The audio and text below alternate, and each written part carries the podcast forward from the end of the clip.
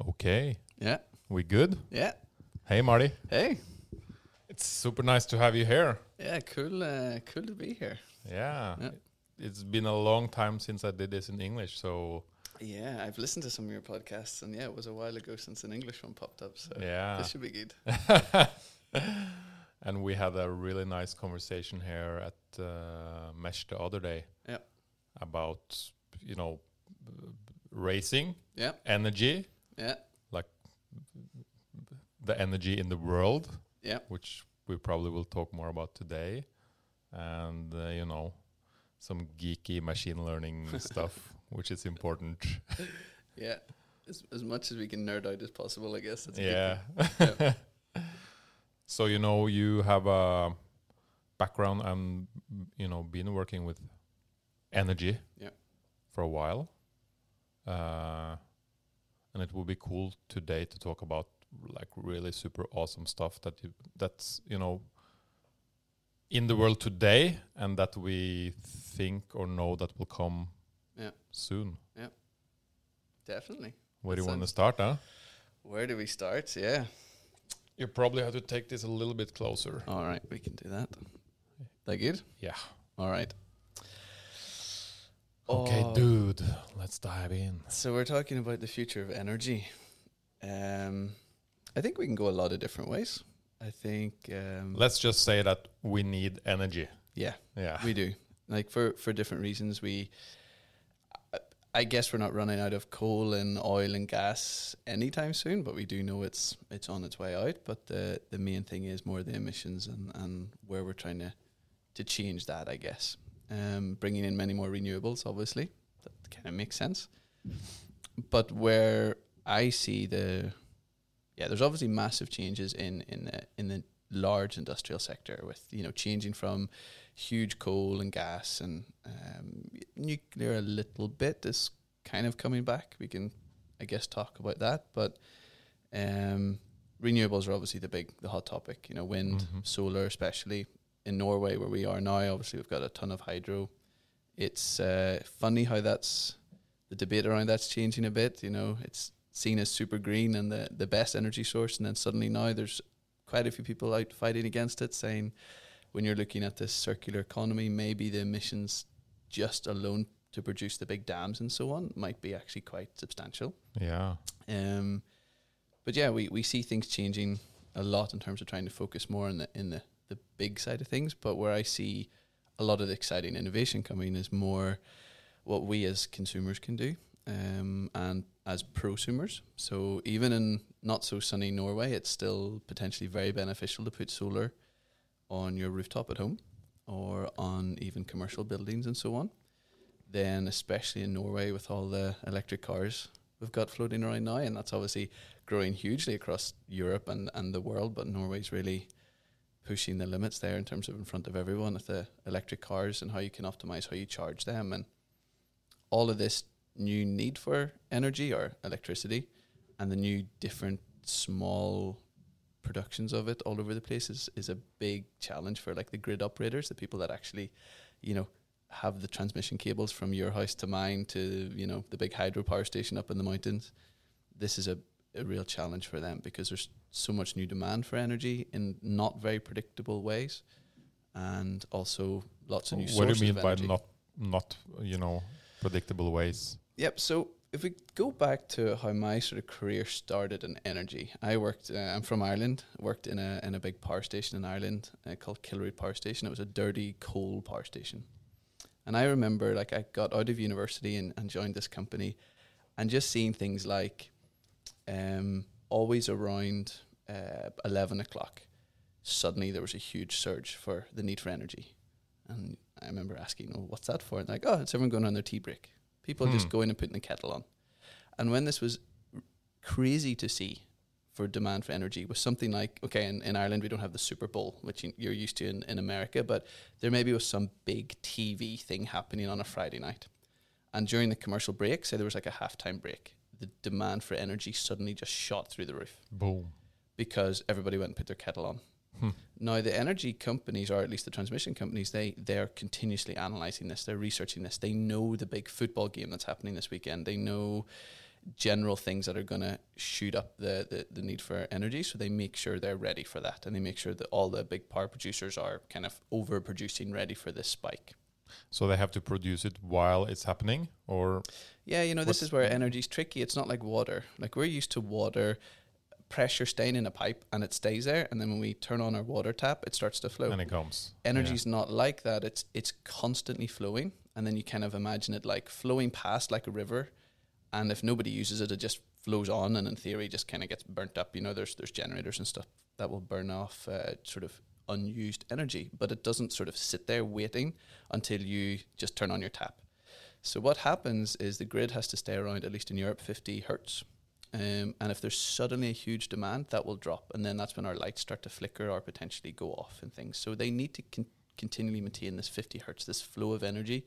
And suddenly, when a football stadium turns on their lights, suddenly it just so they need to Hmm. be ready for that. And and any large demand on that energy needs to be kind of ready for. So this grid, it's a constant balance of not overproducing. You don't want to waste energy. You don't want to produce tons and just have it all burning off.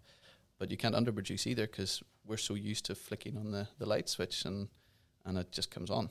Um, so where it's getting tricky now for sure is that um, we're all using energy at different times of day. So when I said unpredictable ways, charging our cars. Okay, I guess they're starting to get trends. Probably most people charge their cars at night, probably while they're in work.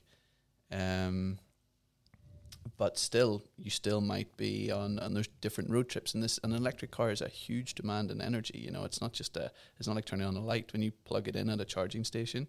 It, uh, it really, How really is it compared to a tea kettle? Um, a lot.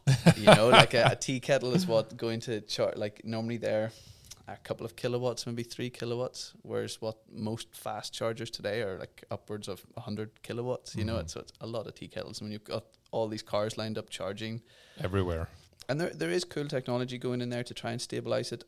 I know a lot of the smart charging aren't smart charging, but a lot of the charging stations they actually have batteries behind them. So what they're doing is constantly trickle charging these batteries. So the the, the car charger is not directly connected to the grid. It's actually got a battery system behind it, and that means that it's more predictable for the grid. If the batteries are just always constantly charging, and then when somebody comes and plugs in their car, it just drains the battery. Uh, it's a better way to do it instead of like the car being plugged essentially straight into the grid and making a, a- it a bit more unstable. So there's there is ways to stabilize this, and um, but essentially anyway, the, the, the main point is that the grid operators are are having a lot more challenges. We're we're we're using energy in different times of day. We're using more energy. Charging a car is is huge compared to yeah even turning on your kettle.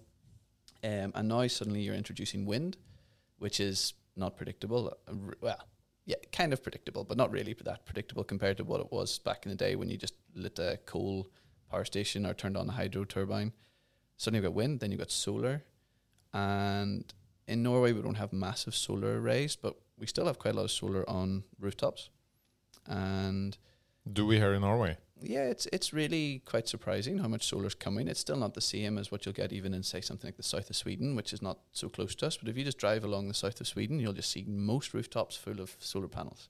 But how well does it work in Norway? Like, you know, I, I guess most Norwegians are used to the old solar stuff. You put it on your roof, on your cabin, your right? cabin, You know, and that's still surprisingly- probably what people think. Yeah. Many people think when they think about solar. Yeah. So how much better is it today than like 15 years ago? for sure it's a lot cheaper. That's the first thing. Um, and yeah, technology's better. And I think what a lot of people think, it's the same where I'm from in Ireland. You know, the weather's not exactly sunny all the time in Norway, but there's still a lot of light. You know, okay, maybe not so much in the winter, depends where you are in Norway, but there's a lot that can be taken from a, a decent solar array on top of your your your rooftop. Um, and there's a lot of smart ways of of of looking at this energy production as well. And and this is where I start to get into where I see the big changes coming as us as consumers can I think control it a lot more. We can play a lot with our prices. We we can just do what we can just continue on and, and pay the prices, the bills that come in through the door, but it, there is a lot of room for you to optimize it yourself now, I think. Uh, yeah, we're on a podcast, so there's nothing visual here, but I showed you the last day we talked, just like I'm monitoring all my own home usage. Mm. Um, and I move around a lot. I travel a lot for work. And what I see is that when I'm not having any lights on or anything at home, I still have once every something like two hours a big big spike in energy usage in my home. And um, because you have like an app on your um, you know iPad or something that shows you yeah, it shows me my energy live energy usage consumption. Yeah. live. And I have a lot of different things connected up at home. I'm I'm a you know bit of a geek with with all this, and I like tracing what's using energy and what where can I save it or. But I just see this spike every about two hours, and it's a pretty substantial spike, and it's my water heater coming on. Um, now what I have the, the the first thing really I started looking at was well I don't need to heat my water every two hours precisely, you know, especially when I'm not home. Now in Norway there is a law that your water heater or the water in your tank's not meant to get under 60, I think it's 63 degrees or something, and that's for bacteria. So, okay, we don't want it to go under that. But what I can do is I can monitor the, the live energy price, the sort of spot price we call it. Um, and that's really nice about Norway. Not not a lot of countries. Even I showed this to someone in the UK recently. They were they were so jealous that I could get like hour by hour pricing in Norway. They think that's incredible. And in the UK, you can just get like daily pricing rates. But what I can start to do is monitor when the energy price is high, then I don't have my water heater coming on. I leave it off a little bit longer. And then when I see it starting to drop, and if, okay, you have to compare it with the temperature of the water and all that, but then I'll I'll try to only turn it on when the energy price is, is not at its most expensive kind of. And that's me. It's just a, uh, and these, you know, this is my own app that I've made, but these solutions are coming out more and more, like plug and play, and and and that anybody can use, and then start to add putting some solar panels on your roof and a battery. And then you can start to say, you know, um, okay, well, while I'm producing, like today, we're, we're here during the day, so my I'm not at home, I'm not using any power, so let it just charge up that battery. When I get home tonight and switch on my oven or something, well, take it from my battery. Don't take it from the grid until my battery's empty. Hmm. And then we can take it even one step further. I talk about I travel a lot. So if I'm away a lot for work and I'm I'm I'm away for two weeks, and my energy is okay, I'm using my solar and it's charging up my battery, then what's stopping me saying, okay, well, I can just give the rest of my energy production to my neighbor? You know, I can call my neighbor and say, hey, I'm away for a few weeks. There's going to be a ton of unused energy in my house. You know, the the the grid price is say 100, whatever 100 is, but just as a, a number. I'll give you my energy for 50 Yeah. and they'll say, I'll take it. You know? just just Vipps it over. Yeah, exactly. so this is what I mean that I, st- I, I love, you know, I- and I work a lot in the big industrial sector of energy. Um, so I, I love the changes going there. But as a, as a person, as a consumer, I'm so excited about what's actually coming to us uh, with how we can charge cars, how we can, the Ford, the new Ford F-150 pickup truck now has uh, vehicle to grid capabilities. So I talked about having a battery at home. Well, I could actually just use my car as a battery if my car's sitting in my garage most of the time, if I'm using the train to work and stuff, then I can use my car as a battery. And then when I get home at night, I can actually drain the battery from my car to just use my uh, my oven and stuff at home. Yeah. So the potential for this is just so so cool. I'm thinking about also, especially here in Norway, all of the cabins. Yeah. Which are like, I would say, 95% of the time just empty. Yep. With solar panels, Yep. with a battery. So yeah, you you talked a bit about you know most Norwegians think about solar and they think about their cabins, and the solutions I've seen there is more like, you know, there's a, a small like car battery and one solar panel sitting up at a cabin, um, and that an- allows the family when they go to a weekend to watch the TV, um, but they still get there and the cabin's freezing. And they have to light the fire and get it all heated up before they can like take off their coat or anything like that. But with a more modern type of battery, um, they can and, and and more solar panels, they can obviously then create a full you know energy system in their own home without being connected to the grid, or even cooler, drive their their electric car up to the cabin, and then plug their electric car into the the mains and power their whole cabin. You know, like if now that the, the car batteries are getting so substantial, okay, obviously if the if it's a long, long drive up there, your Yeah. car battery might be a bit low, but if it's not, if it's an hour or two just to get up there, then drive up and actually use your car as your actual source of energy. And then suddenly you've got heat, you've got TV, you can boil your kettle, you can turn on an oven, you can just from your car. Um, uh, it's it's it's so cool. And for yeah, the cabin culture in Norway, I think uh, can benefit a lot from from this. But you know, how far away is this stuff from being consumer friendly? Meaning, you know, it- like you said, like selling your stored energy to your neighbor. yeah. What would need to happen before you know? I have an app like that. Yeah. Um, the thing is, it's very close. Um, so things like selling to your neighbor, there's a lot of trials that have happened on this, even in Norway, at a, a bit of a higher level. So uh, we, we were talking about cabins. So out near where I live, near Fredrikstad, you have Hvaler, um, which struggles a bit. Uh, there's a you know if if anyone's ever driven to Hvaler, there's there's all these beautiful bridges. You drive out to this sort of island. Sorry, it's multiple islands, and in the summer when everybody goes down there, uh, there's a huge demand in this like under underground cable that sometimes has they have problems. It can trip if everybody suddenly arrives at their cabin for the weekend. Everybody switches on their heaters. Everybody switches on their you know whatever uses starts to plug in their cars to charge their cars. Suddenly, this cable can can basically get yeah overwhelmed and, and overheat or other some of the possible problems that go there. So there's been lots of trials over the past. It's been happening for quite a few years of what they call this like local energy community. Whereas because it's a very sunny part of Norway, there's a lot of people with solar panels out there as well. So can you sustain this small little community based on its somewhat its own production, and then take the load off this cable going out? And that's been happening in Norway for quite a few years.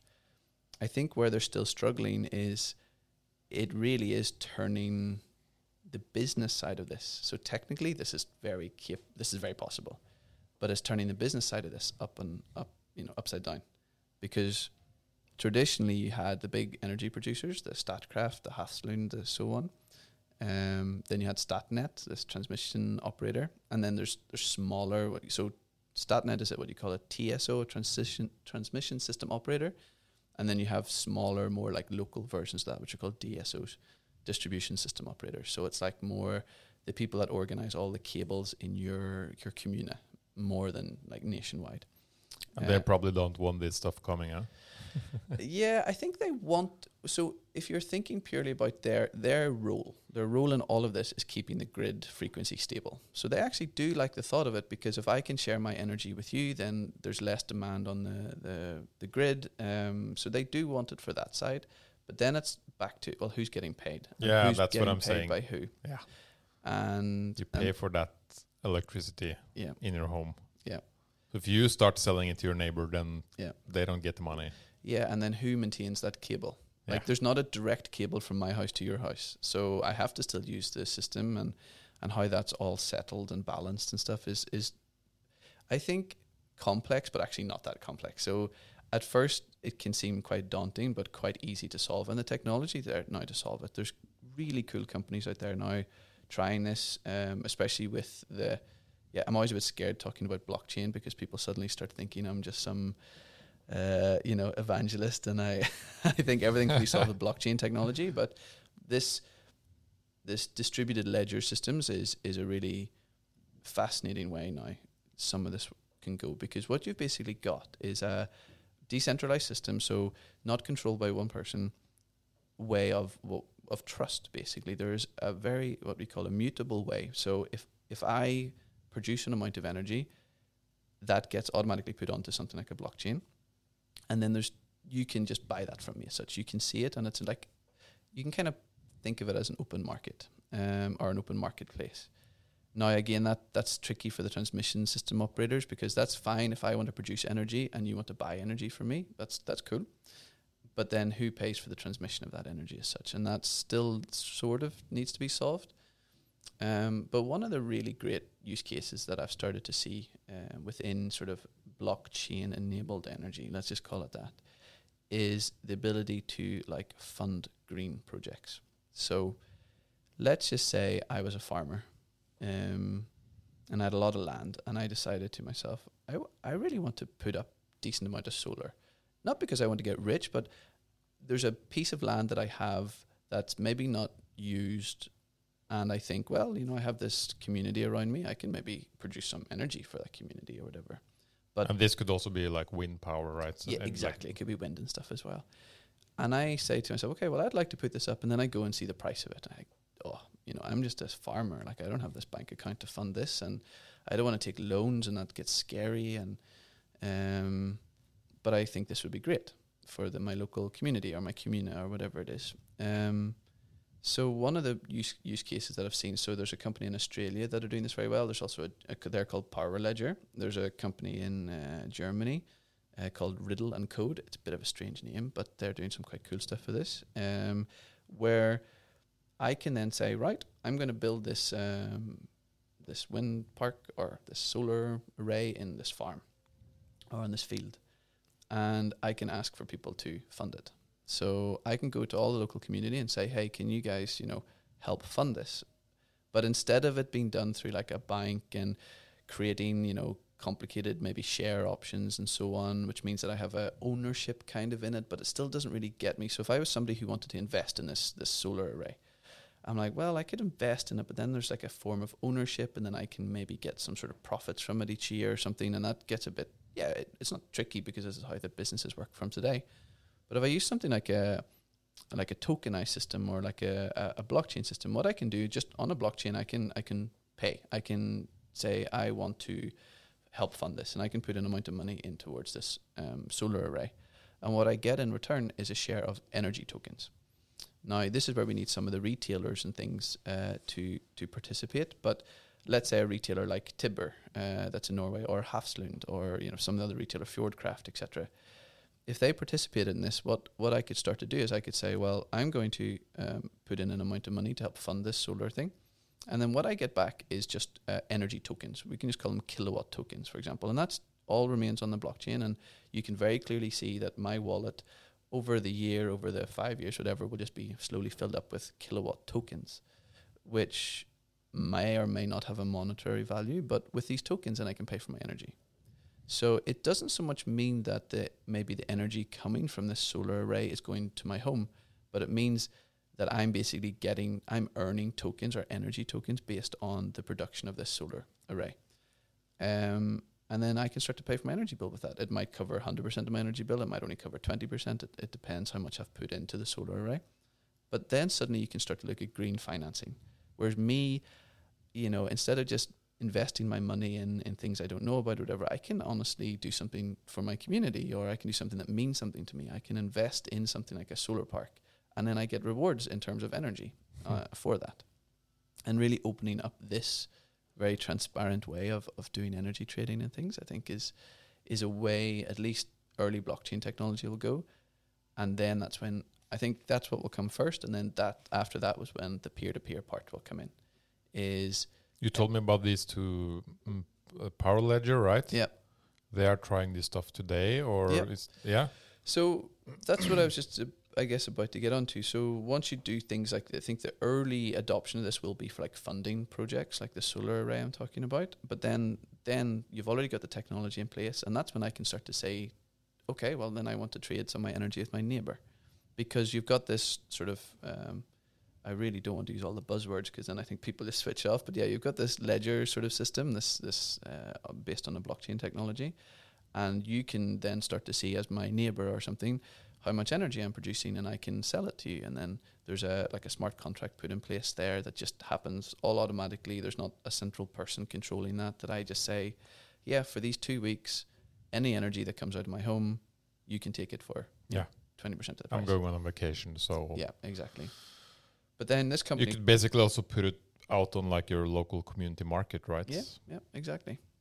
So then you mentioned uh, about what something like companies like this company Power Ledger are doing they're even they're getting annoyed at and it's something that's always bugged me to be honest too. I see these big LinkedIn posts and stuff from companies now saying like, "Oh yeah, we're we're green.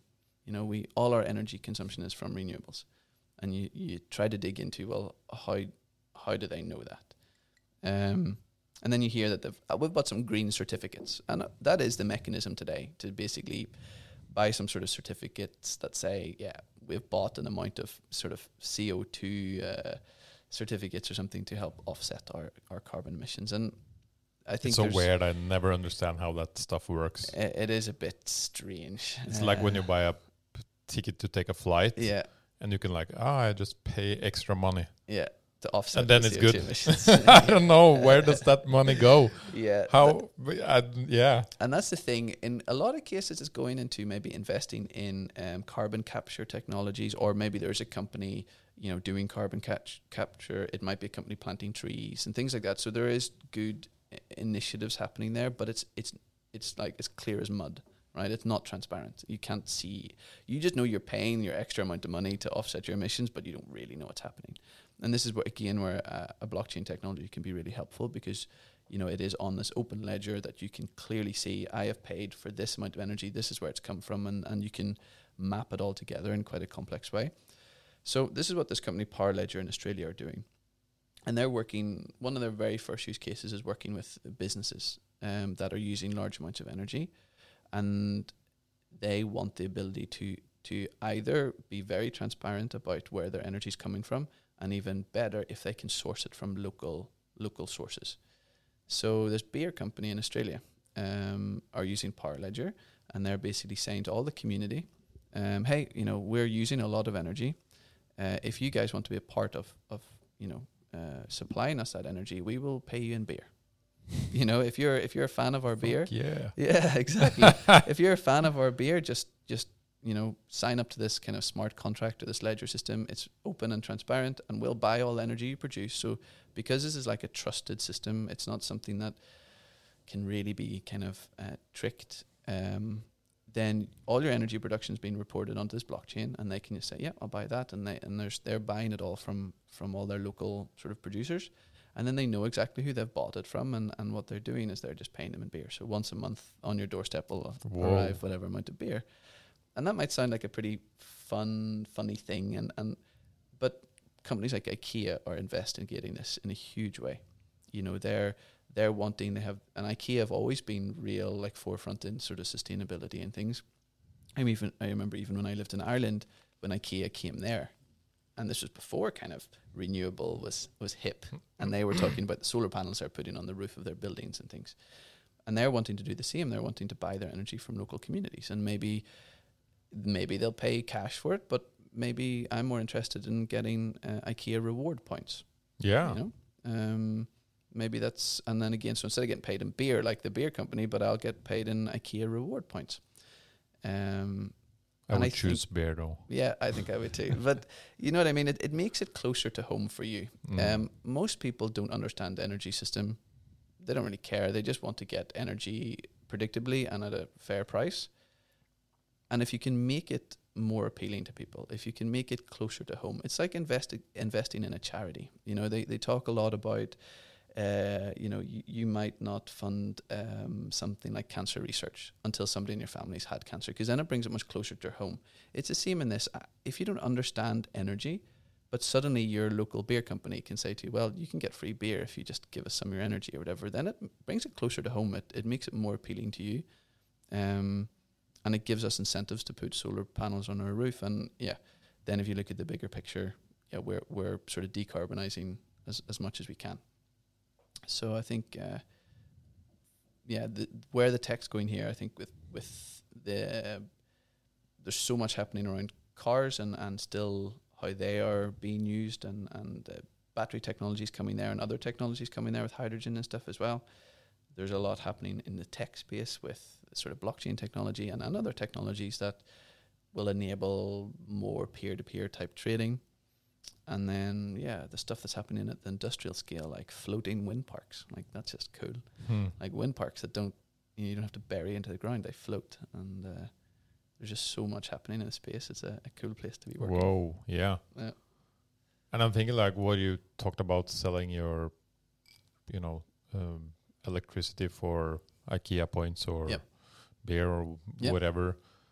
I could see in the future that it would be s- some kind of marketplace, right? Yeah, I think so. I think um, it's a little bit hard to envision right now exactly how this is going to look, but yeah, for sure. Like, especially if there's a fundamental. So they say like look at blockchain technology like the early HTML standards for like web pages. It's it's going to be just a standard that things kind of sit on, and then there's so much ability to do innovation on top of that, right? So when the sort of early web standards came out, Um, that didn't mean that the web standard was the thing that was going to kind of be the business. Like it isn't uh, Bitcoin that's going to change the world. It's the things that are built on top of it. Mhm. And this is what you're talking about. These like blockchain will be like behind the scenes in Yeah. the future, right? so they call it Web three. Yeah. Right. So Web one was like just when you used to log on to something like Wikipedia and get information. Web two was when you could start to interact with the web pages. Like you could start to uh, like log in. You could do things like in Facebook. You could send messages and stuff. And then Web three is kind of the the hip word now for basically blockchain technologies, where yeah, it's going to enable so many businesses on top of it. And this is where these marketplaces, I think, are going to come in, where I don't know how it will be, but I can, yeah, I can maybe just sell my energy on an open marketplace. Um, but it could be different. It could be I could just log into like a marketplace and see all my local producers that are willing to either pay me in beer or in IKEA points or in whatever else. I know um, Norgesgruppen, um, so the people that own like you know Kiwi and and uh, Meny and so on. So they have their like food distribution company called ASKO. Um, they obviously use a huge amount of energy refrigerating and things like that. Um, they also run the Trumf uh, points scheme. They're looking at doing something similar. Like, can they buy local energy and then pay people in Trumf points? Hmm. Um, so Yeah, or cool points or yeah, yeah, yeah. So if there's one marketplace I can go to in the future for in Norway just to see all the different companies that are willing to kind of buy my energy and pay me in some other way than just money or something, that I'm sure that will exist. But I'm sure there's going to be much more interesting marketplaces. Uh, I have no idea what they can be, but there's definitely going to be be stuff like that. I think. But you had to, at a personal level, do the investments to get like solar panels or Yeah. you know some battery in your home or Yeah. a car or something something that so that you can store energy and then you can sell it. Yeah. I think for me, the big thing now is the storage. I think I really looked into solar on my home a few years ago, and I think I would have went for it uh, at the time if I thought I was going to be living in that home for quite a while. I decided to to move on from that home, so I decided I wouldn't invest in it. But at the time, the sticking point was the battery technology wasn't quite there. So any solar surplus I had, which is going to be any solar I don't use kind of live, which is going to be, to be honest, 90% of it because Oh, most of the solar that I will be producing will be when I'm not at home. It's when I'm at work. So most of it just going out to the grid. And there are some nice uh, government incentives that pay you quite a decent amount of money for going out to the grid, but it's still, I, I want to feel more in control of what, what, you know, I want to be able to use my own energy. I don't want to just to go out to the grid. And again, it's back to this getting a feel for what it's doing for you. I think a lot of people just put solar panels on their home because it makes them feel good. They they don't really know where it's going. They don't really know. They just they hear they get a little bit of money off their bill every month. But as soon as you can make it closer to home, as soon as you can make it, you know, oh, that actually charged my car today. It, it's more meaningful. So when I investigated, yeah. When when you start seeing it, you know, on the monthly bill. Yeah, yeah. Um, so when when I looked into it a few years ago, the big sticking point for me was the the lack of storage technology, or the batteries weren't that good and they were crazy expensive. That's changed a lot now. So I think that's the first big thing for me. Um, I love the thought of charging up my battery when I'm at work, and then when I come home, just using it. And I think on solar alone in Norway, you're never going to be able to be totally off grid. But it's cool to see how off grid I can be. Um, I have this app that I showed you. I, I continuously monitor my reliance on the grid. So it's one of the kind of KPIs that I, I measure, which is just how reliant am I on the grid? Like, uh, it's a scary amount right now, but uh, and that's just more my fun tech stuff. But um, I think uh, the more that the storage storage solutions come out, and there's so many investi- things happening there with batteries, but also things like flywheels and compressed What's the air. name of the like the Elon Musk home battery thing? Powerwall, I think they call it. Yeah. yeah. Um, it's cool. Um, but nearly already, that's nearly being outdated because they're saying, well, if you have a car or two in your garage or in your driveway, why don't you use that? Yeah. Um, I I still think the Powerwalls are going to be great, and I, I would have one in my house today if if if I had. But if you're using your car a lot, you know, you would, it would probably not be able to power up your house. Yeah, yeah. it all depends on your living habits. You know, are you somebody that has something like a Tesla in your garage to use at the weekend with the kids, and you travel to work every day by bike or by train or something? Then I think it makes a lot of sense. But if you're somebody who uses that car every day to work and things, then it doesn't make any sense because it's not at home charging while. Uh, so then the Powerwall is going to be good. But that's just batteries. I think at least at the industrial level, I don't think this is very close to home level at the moment, but they're experimenting a lot with. You know, the problem with batteries is they degrade over time. There is still a AC to DC type conversion that there's a little bit of loss. It's still pretty good, but is there a way to reduce that loss? So they're playing with things like uh, using the power to compress air, and then later on when you want to use it, then let that air out to turn like a small generator and reproduce the power. That's um, But what about the stuff you need to create batteries? Yep, the mining of that. I'm I'm really intrigued to know where this goes. Yeah. Um, So what do you need? Basi- what's you know the main thing you need for batteries today? That so it's still the biggest type of powerful battery today is lithium ion. yeah. Um, so it's lithium mining, and I'm really interested to see. I wish I could jump ten years in the future just to see what this is like because I there's scary stories of of lithium mining, and I think um, we haven't it, we haven't been exposed to it yet in terms of understanding really what it is. But it, it's kind of the same as like digging for coal. Yeah, that's know? what I'm trying to get Yeah, at. You know, is yeah. it are we just creating a new problem, which is you know a little bit better, but Yeah. still we're you know just mining stuff out of earth and Yep. Yeah, and then the waste also. You know, I love this this whole idea of circular economy, and it's so hard to get your head around. Yeah. Like, it's so hard. So even people are saying things like, "Okay, well, solar panels." Before solar panels got as efficient they are today, um, if you could somehow calculate the amount of energy used to dig out all the raw materials, produce the solar panel, like so, if you just could get a number that just showed um, how much energy was used to actually produce your solar panel. And then you looked at okay, and how many years do you have to run that solar panel for just that that amount of energy to be kind of brought back to the world as such? Mm. Because this is this is beyond you. This isn't just you paying money and trying to get money back. This is actually the CO two emissions, the energy usage, everything like that to produce that one solar panel. How many years would that solar panel have to run for it to actually pay that back? If you think of it like being a debt. And the early solar panels, up until quite recently, basically couldn't. they basically they basically broke before they paid it back, and that's kind of scary. Um, so I think you're going to hear a lot more talk about circular economy, which is really trying and to. do you know anything about that regarding you know batteries?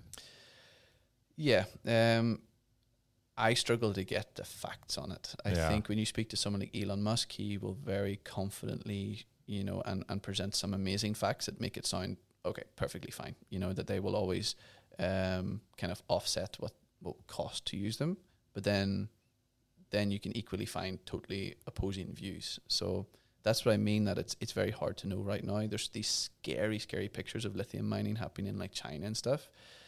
And you wonder, is that really what it really looks like? Is that the way all of these lithium mines look? Or or is that just one in the world that just happens to be creating some bad images? Um, but it's for sure that batteries, or at least the way we do it today, is not a very, very long term solution. Like, but it's a very good uh, first step. I think it still is better than, you know, for everybody that's saying it's still we might as well keep taking oil out of the the the ground and do that instead. That that's I think that's proven already that mining lithium and doing what we do with batteries is still a lot better than that Yeah, but it's still not the world's most sustainable. Uh, uh, if we were still thinking 50 years in the future, it's what is more sustainable than that we know of today? I'm intrigued by hydrogen. Yeah? Um, not in its current form. So even cars. Um, so Toyota, for example, have invested heavily in in, in hydrogen cars. Um, and we'll start with cars, then we'll we'll go up the chain a little bit. Um, so hydrogen, you can produce it, right? You can you can produce it from renewable energy. Um, you just take it from say water, you know, H two O, and we have a lot of that. Um, so first of all, we can produce hydrogen. It's the it's the world's most inert gas. First of all, so there's lots of it around. Um, but even if there wasn't, we can produce it in a in a re- renewable way. So that's great. So the actual fuel itself, brilliant. Um, and the technology for, for example, uh, hydrogen uh, hydrogen cell fuel cars kind of are is really cool. That like Toyota have just released uh, in production this is a Toyota Mirai, I think it's called, where you fill it with hydrogen just like you do your petrol car today and drive. It's a beautiful, comfy car. It's a good price. I think they're about six hundred thousand kroner in in Norway, but they're like a luxury BMW 5 Series. So they're they're beautiful cars. Um, the infrastructure isn't there today, but it's the same infrastructure as what we're used to. So, you know, all of our existing petrol stations and stuff, we can just put some hydrogen tanks there. Um, there are some challenges still with the, the nozzles used to deliver it in freezing up, and there's some reports of some problems there, but that's easy to overcome, I guess. Um,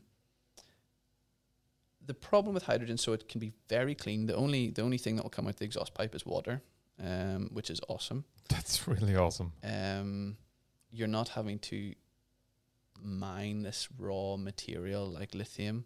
Okay, there's still going to be some mining for the materials in the car. You know, obviously the, the metal and stuff in the car. So that I guess needs we need to think about that. But um, the only still problem is when they talk about efficiency, um, and that's still for the for the sort of real electric car fans today. They'll talk down hydrogen because you'll hear them bringing up efficiency um, numbers. So that means like energy in, energy out. The nice thing about an electric car, if you put a hundred of energy in, you'll get about ninety-two energy out. You know, there's a little bit of transmission loss. There's a little bit of the chemical, uh, you know, uh, process that happens when charging a battery and things like that. But it's it's very efficient. So normally, the energy you put in, you get most of that energy out. Um, hydrogen still the energy that's put into creating the fuel, you get it's it's quite low. I can't remember the number. I think it's like forty percent, fifty percent. So that is still something that they can say it's quite inefficient compared to a battery. My view is a bit like, yeah, well, yeah, that sucks. It's it's at the moment uh, a little bit more inefficient, but it's coming. Um, I'm sure the efficiency will go up, but at the same time, I would still choose a 50% efficiency of something that's super clean. So yeah, it sucks that I have to produce double the fuel to get, you know, uh, the same output. But if that double fuel is super clean anyway and produced in a clean way, then big deal kind of. Um, but where hydrogen for me gets really exciting is I think it's quite clear that at least electric's not going to solve aviation. Electric's not going to solve shipping or even mass truck transport hydrogen can solve all of that. You know, it's a fuel that we know. We we we we know what it takes to create propulsion. We know out of a burning uh, a thing. So suddenly hydrogen gets very interesting when you start thinking about aviation and stuff. Um, and uh, even companies like Porsche are investing heavily in new fuels. Um, Porsche are investing heavily in it. You know, even people like Bill Gates, etc., investing heavily in it because they it is known that electric isn't the future for transport in general. It's the future for a lot of things, but not for the mass transport of trains and, and so on. So um, I think that's where hydrogen is pretty interesting. And then So it would be better to create like a big hydro- hydrogen shipping boat than uh, electric shipping boat. Huh? seems that way at least. um, it it will be interesting to see what sort of again back to the circular economy thing that comes out. You know what what amount of mining is needed to create a hydrogen boat versus an electric boat, and what are the efficiency rates and yeah.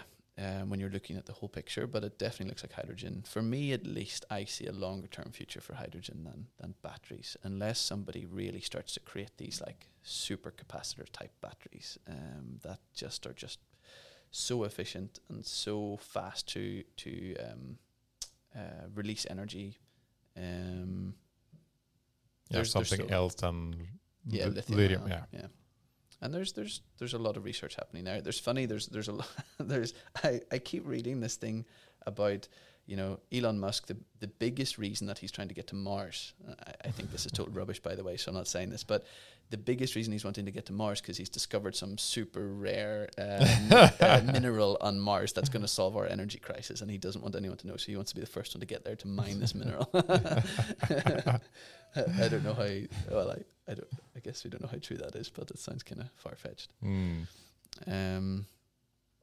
So yeah, I there's there's a lot of cool stuff coming for batteries. So I'm not a battery hater at all. Um.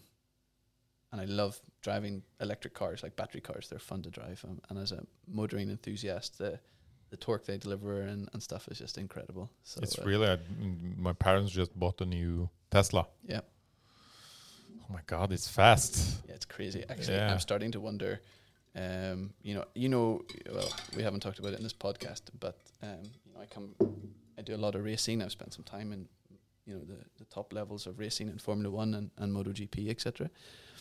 Um, so I'm I'm a massive uh, racing fan, and when I when I drive some of the modern Teslas and stuff, I think to myself, at what point do these become illegal?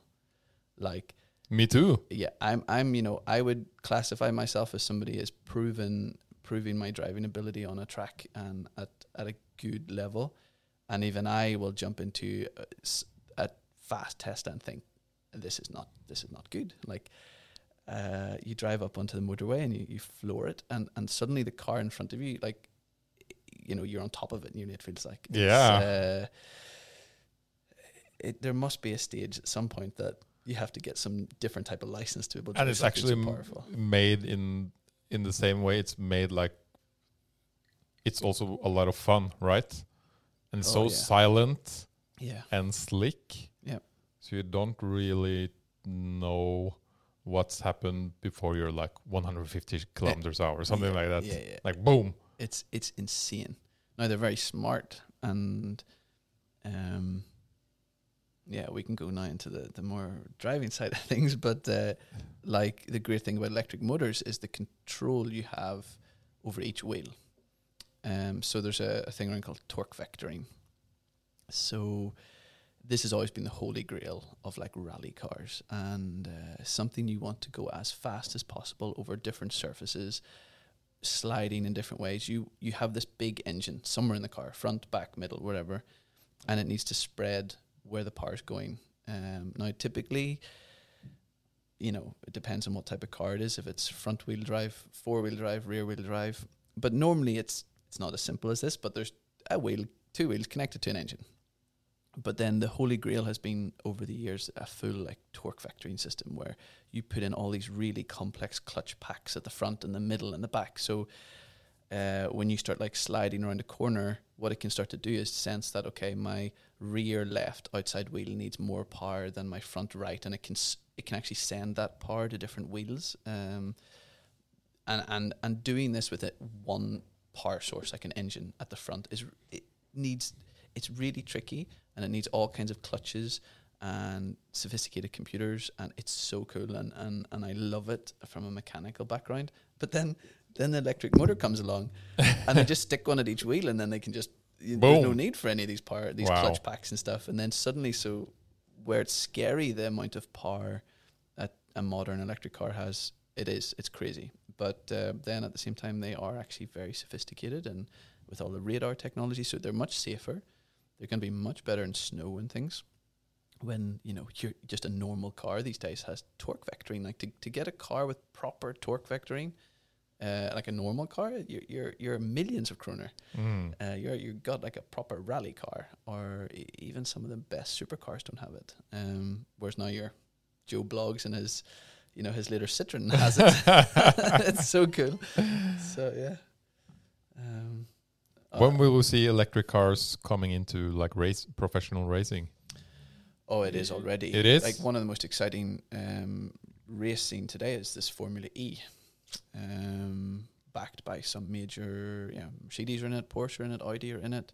It's very exciting for me. It being a motorbike racer, uh, it's now come in in a big way with uh, Moto E. Um, the problem still with the motorbike side is it's still heavy. Uh, you drive an electric racing motorbike, it's still heavy, and Because of the batteries mostly, Yeah. or yeah? yeah, and and on a car, you know, a car, even though again the Formula E cars they're still a bit heavy, but it's it's a much less. It's a two dimensional vehicle compared to a motorbike, which is three dimensional. You've got you know you have to lean a motorbike. You have to you know when it's a powerful motorbike, you've got yeah all these axes that you're kind of rotating on, which you don't in a car. Um, so the weight is still a bit of an issue for me on bikes, but it's coming down. And this uh, f- this Moto E they call it has been incredible to watch the last few years. Um, and the racing's awesome. Um, but the the Formula E is is is huge, and uh, I think not long until we see it taking over Formula One. hmm Um, Formula One are doing some massive rule changes for next year just to try and make it a bit more exciting because uh, Formula E and so on is getting so good. It was funny they don't do it anymore, but in the first year, of, I think maybe the first two years of Formula E, uh, they had to do a pit stop because the car couldn't make it to the end of the race. uh, so what you would have seen happening is the driver would have come in, jumped out of the car, got into the second car, and then driven out. And it was funny to see things like that, but uh, it doesn't happen anymore. The batteries are so good. So Awesome. This will be a topic for, I guess, another podcast. But yeah, you know, back to power and energy, and what about atomic power? You know, oh, you know, I'm a massive fan of nuclear power, me too. but it's like Ah. it's so easy to say this, but there's a syndrome that you hear about. It's called "not in my backyard." So I'm Yeah. like, I can see all the benefits of nuclear. I can, Comparing like the ones we've talked about today, yeah, how is nuclear? it's super clean apart from the waste. Um, but that's the thing. Like I can say But that how how little or much waste is it actually creating? I think, well, if all of the world was powered by nuclear, you would start to say, well, you know, this stuff takes hundreds of thousands of years to degrade as such. So, at what point do we bury all of these nuclear rods so much in the earth that it starts to contaminate just so much of the earth? Um, uh, I'm I'm not a physicist, uh, but I, I think if the whole world was powered by nuclear the way it is today, it's not good. I think the waste, it it one nuclear power station produces so little waste, but then you have to magnify that across the, Mm. the world, and then I think it's it's scary, and that's what I mean about this not in my back garden thing because. You know, suddenly, if a nuclear power station was going up in my back garden, I'd be like, "Oh, Oh, no, shit. maybe I'm gonna move." but uh, so I don't like the thought of nuclear waste. Obviously, the the accidents that have happened in the past have given it a bad name, and it is bad. You know, if if an accident happens with nuclear, it's it's catastrophic. Yeah, but Um, what, uh, you know, I saw. I think it was a documentary about Bill Gates. yeah, and one episode was about you know what he's doing with Yeah. yeah. So that's the thing. So and how much safer it is. You know, we think about these old yeah, nuclear power exactly. stations, right? yeah. Which was much more unsafe and unstable, and and then he talked about what we can actually build today. Yeah. which is smaller, safer. You know, Yeah. I couldn't agree more. Um, I think it's so hard to say that oh, a nuclear disaster will never happen with of these new power stations, but the chances are so tiny, like so so tiny, and I think that the, the potential for nuclear is massive. And even just last week, um, there was. Uh, you know, there was a new uh, uh, like there's been studies that come out for a long time comparing nuclear fusion and fission and what the what the possibilities are, and there's a lot of studies and stuff. But there was some big discovery last week that's basically showing that we can do this um, properly. Um, so you've got the more traditional ways of of doing nuclear, um, but in a safer way, which Bill Gates and so on are investing heavily in, and, and many companies are. Um, Bill Gates has this fund called I think Breakthrough Energy, which is like just a fund for people to invest their money into yeah, breakthrough energy technologies like nuclear that you know I think we have to understand is probably needed for different parts of the world. We're not all as lucky as we are in Norway and have access to so many natural resources like water and stuff. Um, and but then the the new innovations that are coming as well, if it's allowed. I think the big thing about the US, especially at the moment, is oh, I can't remember the exact fact, but they're I think they're not allowed. It's actually illegal to build new nuclear. I think it's Yeah. something like that. So that's really tricky. So then, if I was somebody, if I was some amazing genius of a scientist and I knew I could solve this, but I needed to sort of build it and prove it, then you, and if I was from the US, I wouldn't even be able to do it in my own country. So I'd have to find another country that would allow me to to in, experiment with nuclear. Uh, then that's going to get tricky, but it's good that some people who are well known with a bit of money and stuff behind them are a part of this, and then I think that can help make it happen. But yeah, um, it would be so hard to know what in the future, um, what the the the ratios will be. Like if they genuinely solve the problems in nuclear, like and and And just shoot the trash into space. yeah, well, Well, yeah, who knows? Could be. Yeah, it just feels like we're always pushing some problem down the road. It's like yeah. yeah, let's just shoot the trash off into space. And like, yeah, that that's going to take a long time for that to become a problem. But I think they said that quite a few years ago about all the satellites and stuff we've got now just floating around up there, and they're becoming a real problem. All the, the the space trash we have. So it always just feels with all of these. We talked about batteries, you know, the lithium mining. That's going to be a pr- problem sometime in the future. Nuclear, at least the way it is today with the waste, that will become a problem sometime in the future. So trying to find the first steps um, to less waste. I think that's the first way we're going now. So we know the waste and the, the emissions and stuff we have today is not sustainable. Okay, well we can reduce that heavily by maybe some electric and batteries and stuff like that, but we still know it's still not the the the 200 year future, uh, and then just keep going towards that 200 year future. Um, So we have, uh, you know, it's fusion and fission. Yeah. Right. Yeah. The one we have today is um, uh, now you're asking. Uh, it's funny. I, I would always said fishing, but now you're asking. It's like yeah. um, uh, So today is when you fire two two um, particles at each other, and there's like essentially a, an explosion, yeah. and that is Which fusion. creates energy, yeah and we're Uh, trying to create fission where we like, you know, try to split exactly Yeah. a particle. Yeah. And that creates a massive amount of energy. yes, and that's what was the the discovery was on last week. Okay. and I and I haven't gone into it much more, but that's what the one that they they were showing last week. That I don't know if it was somebody had actually done it or there was some physicist that had figured out a way to do it, or but there was a pretty big news article last week that came out that's that was very promising. yeah, because if we solve fission, yeah Then we're good. then we're good, right? Yeah. It's like if if if we solve fission, it's like give up on on all the world's power problems. We're, we're Yeah. there. yeah, yeah, And we're basically then almost creating like small stars. Yep. In Pretty- our power. yep. Yeah. pretty much. Yeah, Yeah. that's so cool. It's like I just I just started a star. yeah, yeah, that's what they have been trying to solve for, you know, I don't know how long, but yeah. that would be a really good thing Yeah. to happen. And they're trying different places all over the world Yeah. with plasma and I, I don't know, I'm not an expert on it, but and reaching like insane um, uh, high degrees. Yeah. But still they, they it's not like stable. yeah. I think that that's a, a maybe a scary thing. It's like, well, what happens when you do this and it's unstable? Then we're Yeah. creating a, a big bomb. Uh, but no, I, I like I um I very quickly realized, you know, a few years ago I was lucky enough to work with a few people that uh, all came from CERN in Switzerland. Um, I worked with them on the on the side of like the the computer side, like how they're calculating massive amounts of data and stuff. But when you just sit and listen to these people talking like over lunch about what they're actually trying to solve, eh, pff, you just, I suddenly just tell myself, I know nothing. it's like I don't even know, you know. I th- thought I knew a bit, uh, but no, I know nothing. And uh, so nuclear is something I'm I'm excited that other people are solving, and uh, I can talk a lot about how to make a sell the energy and stuff that it produces, but how they're actually doing it is, is incredible, and all the different experiments they're doing. It's just so awesome, and I wish I wish it was more.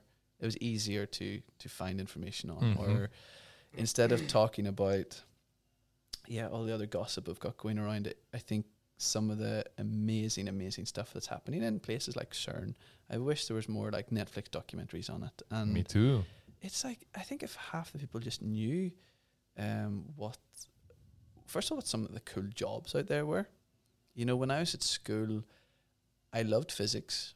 Uh, I was good at maths, but I I thought to myself like, why would I go on further and do physics? It's just sitting in a room doing maths, and I saw all the cool jobs were in mechanical engineering, and I wanted to look at cars, and I wanted to, so I went down that route.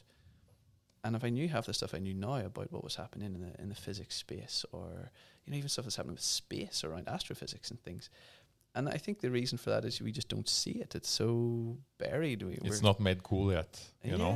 yeah, and I just and wish there was interesting for, as you say, uh, making it understandable. Yeah. You Yep. know, for a kid going into school and Yeah. like, why is this stuff really fucking awesome? Yeah. and important. Yeah. yeah. I think that's uh you know there's some changes you know Netflix are coming out with some stuff Mm. and BBC has been quite good Yeah. they have this BBC Horizon Yeah. which always been you know quite nice but it's it's not enough Yeah. information no, and definitely. uh, and it should be it should be made more in a Netflix way just to make it more you know visible for everyone Yeah. I think just energy in general. I was so surprised that. So I moved to Norway to work for Statkraft. So I worked in the energy industry in Ireland, and I heard of this company called Statkraft that are Europe's biggest renewable energy company. And Yeah? I just loved what they were doing, and I moved to Norway to to work for Statkraft. Um, I'm not there anymore, but I was there for nearly six years, and and I was amazed that I, I got to go around. I was I was so lucky to go around and, and visit different wind parks and the hydro stuff. I still I have so many pictures of some of the like hydro uh, turbine halls and things, and I still try to show even some of my friends at home that work in the old power station I used to work at in Ireland. I try to show them it's like you have to come and see like proper real hydro. How does it look like It's just insane. But I can get back to actually now how it looks. But actually, Statkraft have visitor centers, and nobody knows about them. Yeah. It's like you know the fact that and when you say that to me I centers- would say, think like what why should I go there Yeah. what can I see there you know So the only way I can explain it, and I, I struggle, I've I've attempted this so many times, but um, the f- the first time I uh, went and visited a power station in Statkraft, I just remember getting to like a mountain wall. So you think of hydro, I was imagining like a big building or whatever, but I just got to like it looked like a garage door, a slightly big garage door on the side of a mountain. I thought, okay, this looks not so special. and then this door opened and we drove maybe a kilometer in this dark tunnel. And it's dark, the tunnel's a bit wet, and you're thinking, okay, this doesn't look so nice. And then you get to the end of it, and then another big door opens. And then I can only explain it's like something like you saw in like James Bond, like this underground layer. Because it opens up and it's all lit like blue or like a red, like neon kind of light. And in the middle of it is normally, yeah, something like four generators yeah, it can be just one if it's a small one. It can be six to eight if it's a really big. But say four little, it looks like top hats just sitting on the floor. Okay, and it's silent, or not silent, but compared to the power stations I was used to in Ireland, like um, it's just so quiet and it's so clean. Like the the ground, you could just you know wipe with your finger and you wouldn't have any dirt on it. And then so that was amazing, and it's huge. Like imagine like an airport terminal Like, inside a mountain, like a kilometer deep in a mountain. And you think, okay. But then you're you're standing on this floor. So then the the most amazing thing is then there's like staircases and stuff, and you can walk down, and you start to realize, okay, it's not just like long and wide; it's also deep. So then I went to another power station up north in Norway one time where they were they were doing a major refurbishment, and they'd actually removed these floors. So these floors are like they're possible to remove, and then you see how deep it is. It's like a it looked like a I would say a 10 story building inside the mountain. Again, deep, one kilometer in the mountain, a 10 story building. And you're just standing in the middle of this. And I have pictures of it. Uh, it still just doesn't do it justice. The size of this, it's phenomenal. And the fact that there's visitor centers and uh, that people aren't going and, and, you know, I think it should be part of. You're going up to Rjukan at the weekend for a hiking trip, then stop with the kids and stop at some of the visitor centers and just go in and just see it because at least if I had done that as a kid, I would have just been like, I need to work at this. Yeah. This is this is my dream. Um, It's almost the same as going into like a Google or Microsoft Yeah. a data center. Yep. Yep. Definitely. I've been to a couple of, of those, yeah, and they are just insane. It's insane. It's harder to get into though. They Yeah. don't have a lot of visitor centers No. because you know that No. it's, it's hardcore security stuff. But Yeah. you get into those, and you know it's just super clean. Yep. and it's just kilometers Mm. of super super supercomputers. Yeah, and it's cool seeing the cabling when you go into Yeah. something like that. It's the cabling that's so cool to see. Yeah, I, I it's been a long time. Um, I went to Microsoft in Dublin uh, when I still lived in Ireland, so it was ten years ago, and it was before I even moved here. So maybe it was 11, 12 years ago. So it was before sort of Azure and all that became big, big, big. And I got a chance to see one of their data centers down there, and I just thought, "Whoa, this is insane!" yeah. And I think they're so much more and bigger and stuff today. And there's a big, you know, we talked earlier about energy and about companies wanting to show that they're green. Data centers is a great one. You know, Microsoft have committed to being totally carbon neutral by not that long away. Was it a few years away from now? 2030 or something? yeah, Yeah. And that's another one. You know, you've got these these big data centers that need to prove that uh, they're getting their the energy from renewable sources or at least sustainable sources. Um, maybe in the future you can you can tell Microsoft you can have my energy and you pay me in Azure credits or whatever. Mm. Yeah, I heard this guy who created, uh, uh, he had solar panels Yeah. and he created uh, like a Bitcoin mining rig. Yeah, And then, you know, that creates a lot of heat. yeah. And he used that to heat up his farm. Oh, that's so cool. Yeah. Yeah, Which was more than enough heat, you know, yeah, yeah. during winter. And yeah, that's, you know, awesome ways of doing, using technology and energy and Mm. One thing that you know you you mentioning that, and I think there is so many innovative ways that we can reuse energy or produce energy. And one of the things that's kind of sad is still at the end of the day, there's a business that needs to drive this. So one of the big experiments that happened in Norway with Statkraft again, yeah, I don't know, six, seven, eight years ago was osmotic power. And this concept was just beautiful. It was using where where fresh water from a river, uh, you know, like, uh, joined a, the ocean. So where fresh water meets salt water, and what you can do is basically run it through like this semi-permeable membrane, um, you can run into a, a membrane. So imagine like a mesh. Yeah. Um, like a filter or yeah, yeah. exactly like a filter.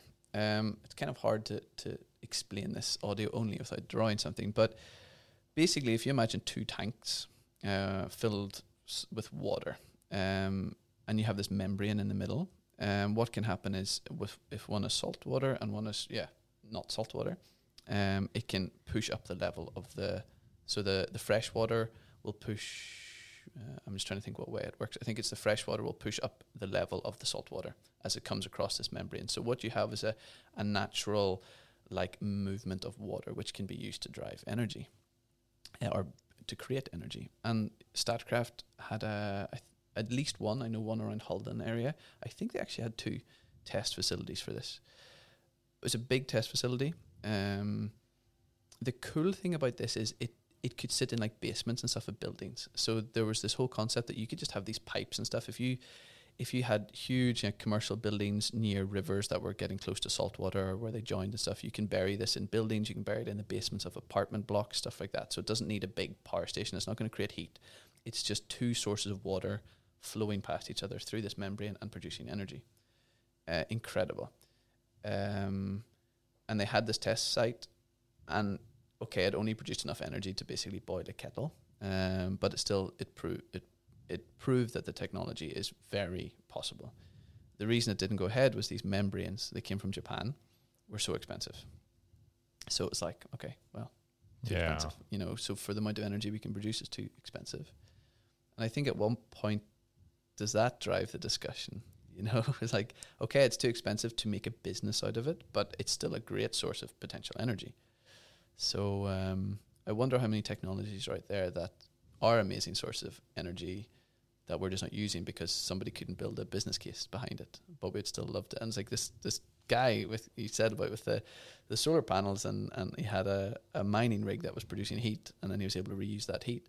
That's probably not something anybody's ever going to build a commercial product around, but it's very possible. Mm.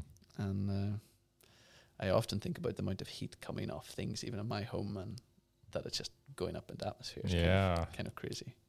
Wow, it's super interesting. And you know, talking about also nerdy blockchain stuff. I remember two years ago, I guess I was at IOTA, Yeah, IOTA summer camp. yeah, I was lucky to get invited there.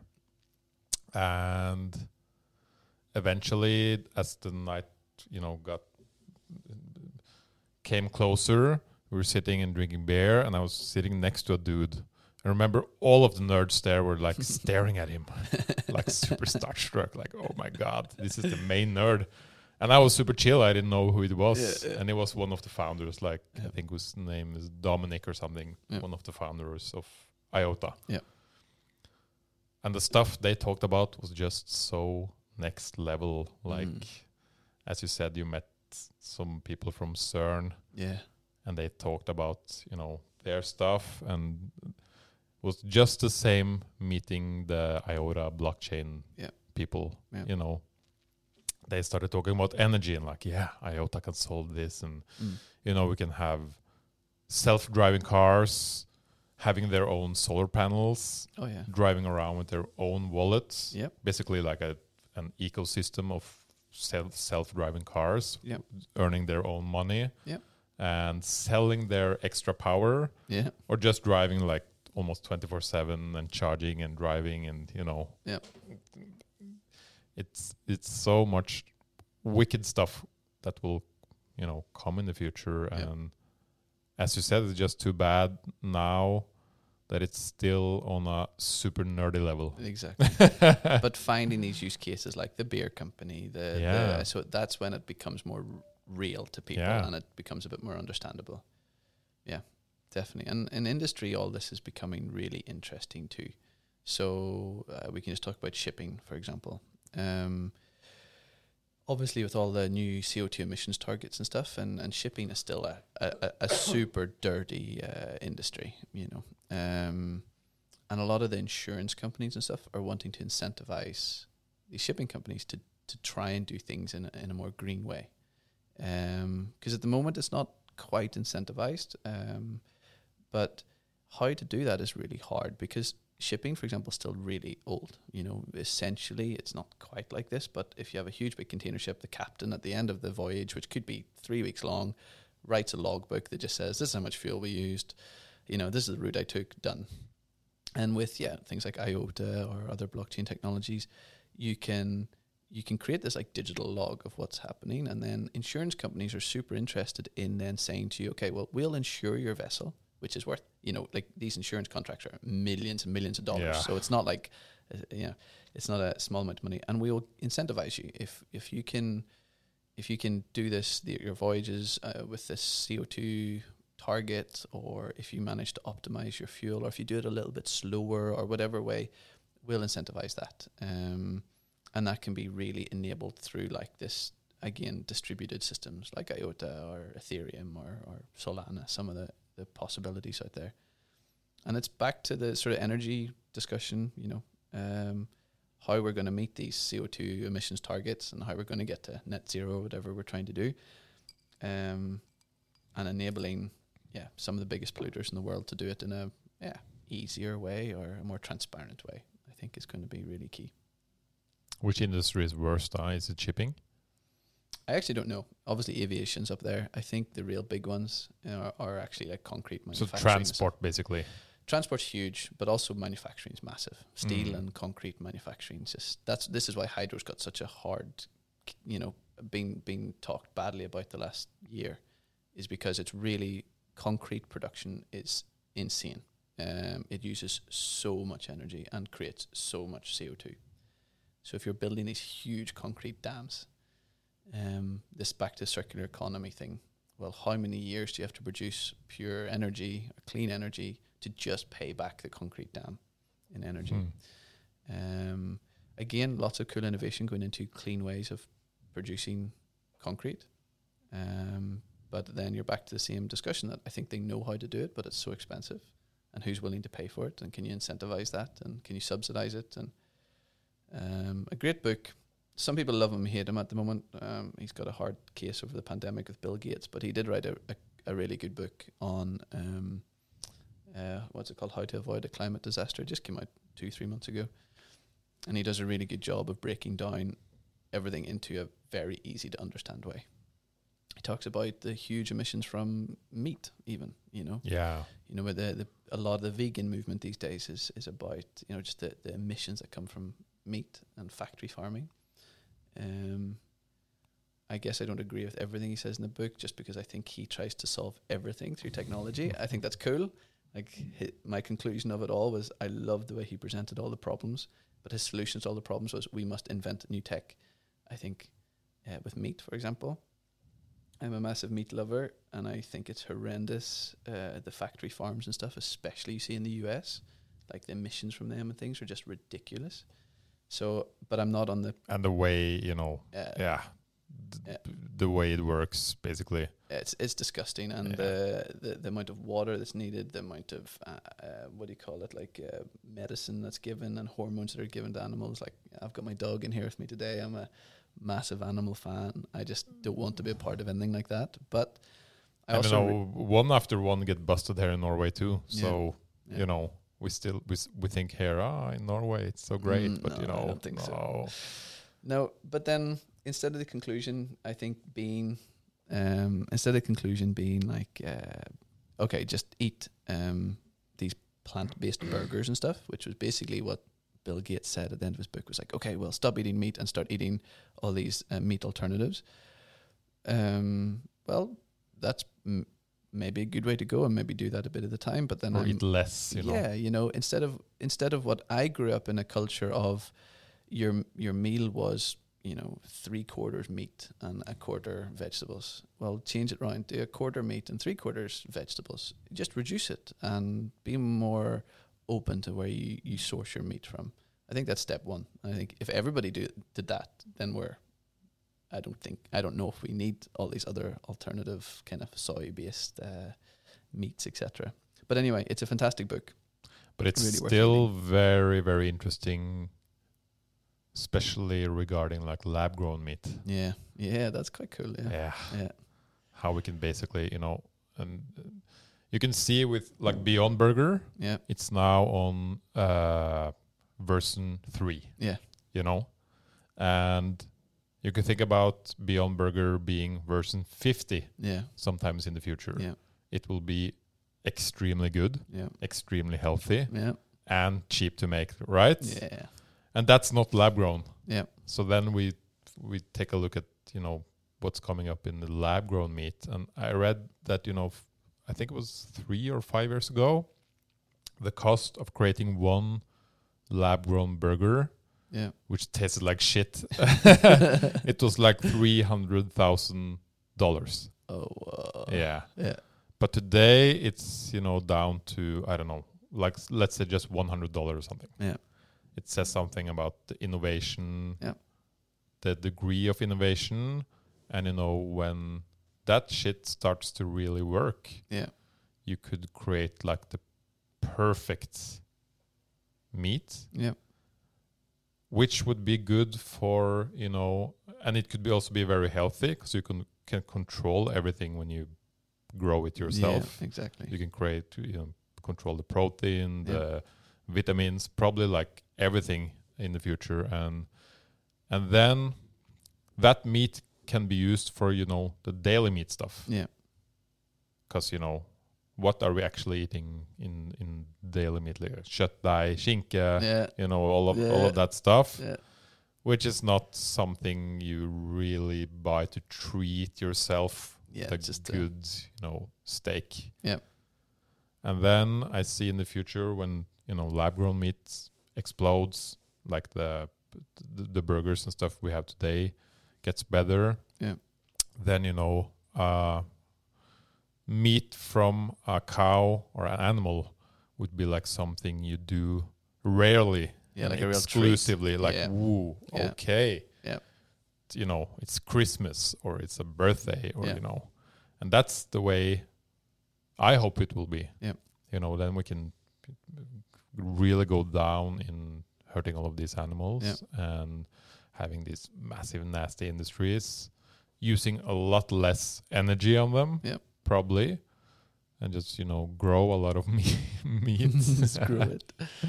No, for sure, the meat industry needs turned upside down. and I, Um, I, you know, I guess what I'm saying here is, you know, I, I totally agree that we need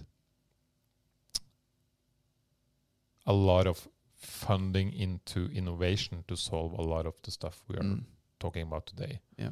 Uh, I think now, especially within you know the climate discussion, we put a lot of the uh, blame on the consumer, Mm. Yeah, which we would should rather put on the businesses, you know, totally. and the industries. You know, we sit there and watch the TV and like, okay, the you know the forests are burning, the oceans are going to hell. Yeah. You know, what can I do? You know, I can do some small stuff at home. Yeah. You know, change up some stuff, but in the end, to really get a big change in this, you have to, you know, um, basically move the discussion over on the industries Yeah. and probably help fund some more ideas that will help the earth. Yeah. I wonder how. What's the best advice then for somebody who, who wants to spend their money wisely and maybe invest a bit? Because when I've talked a bit about things like this in the past in Norway, they'll talk about, oh, it was only like six years ago that they they lowered the price of diesel. Um, you know, the government in Norway lowered the price of diesel because they were telling everybody we should buy diesel cars. That was so And fucked then- up. Yeah, and then two years ago they're like, oh, you know, we're going to introduce a tax that there's days that you can't drive your diesel car in Yeah. Oslo, and everybody feels a bit screwed over there. And and obviously one of the things that's come out of the pandemic is quite a lot of mistrust with governments and stuff. So do you follow your government's advice? Do you like as a as a just a general citizen today? What do you do? Um, Bill Gates gets this in his book, so I can come back to that. But more, what you think first? What, as a general citizen in, say, like Norway, Scandinavia, or something today, where do you go to figure out what what you should do to be the best? Uh, let's say the best citizen towards yeah, trying to trying to care about the environment, but also if you wanted to invest some of your money in helping. Hmm. There's like two parts there. I think you Yeah. know, the one thing is about yourself. Yeah. Another thing is what you can invest in. Yeah. And thinking about you know myself in the world, um, I wish I could figure out more easily what what of everything I use in a, in my daily life Yeah. like clothes, food, uh, stuff I buy, electricity, power, which which of those are most harmful for the planet? Yeah. So, for example, I learned that you know to create uh, denim jeans, Yeah. it's like you you need like thousands of liters of water. Yeah. It's insane. It's oh my goodness. Yeah. so when I learned that, I like okay, I buy two really good ones, yeah. and then I, you know, hopefully can have those for like five, ten years. Yep. Which you can if Oh, you yeah. buy good ones. Yep. And also, that shop I think it's called Livid Okay. in in Oslo. They can also repair your pants. Yes. So for me, that's like okay, that's a good step. Yeah. That's a good solution. And uh, another one which is really nice is I will show them here. New Movement shoes. Oh yeah. Have you seen them? These are moment. So I've seen uh, new new movements. new movement. Okay, because there's other pair of shoes I've seen. I can, but uh, a new movement there. No, haven't seen Yeah. And that's a Norwegian startup which is like this is basically I think it's 95% made of recycled materials. Awesome. Yeah. Yeah. And you can use them for, you know, until they are destroyed and then you can pante. Oh yeah. Yeah. So you get the discount on the next ones. Oh, perfect. And for every pair you buy, yeah. they clean up 2.5 kilos of plastic from the ocean. Oh yeah. Oh, anything like that is just awesome. Yeah. Yeah. And you pay, you know, you pay more than you would going to a normal Yeah. shoe store, of Yeah. course. But again, this is super high quality. It will last for years. Yeah. They are super good.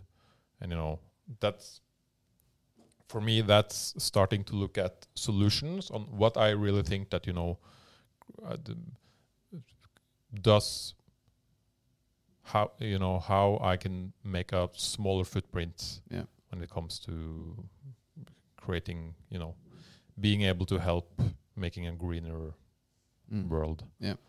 But it's still hard because I really don't know if that's what Ugh. what's the worst. Yeah. And I'm also eating much less meat, Yeah. Me too. Yeah, which both feels great and you know, uh, I don't really need that much meat that we Yeah. learn to eat as you know we were growing up, as you said. Yeah. You know,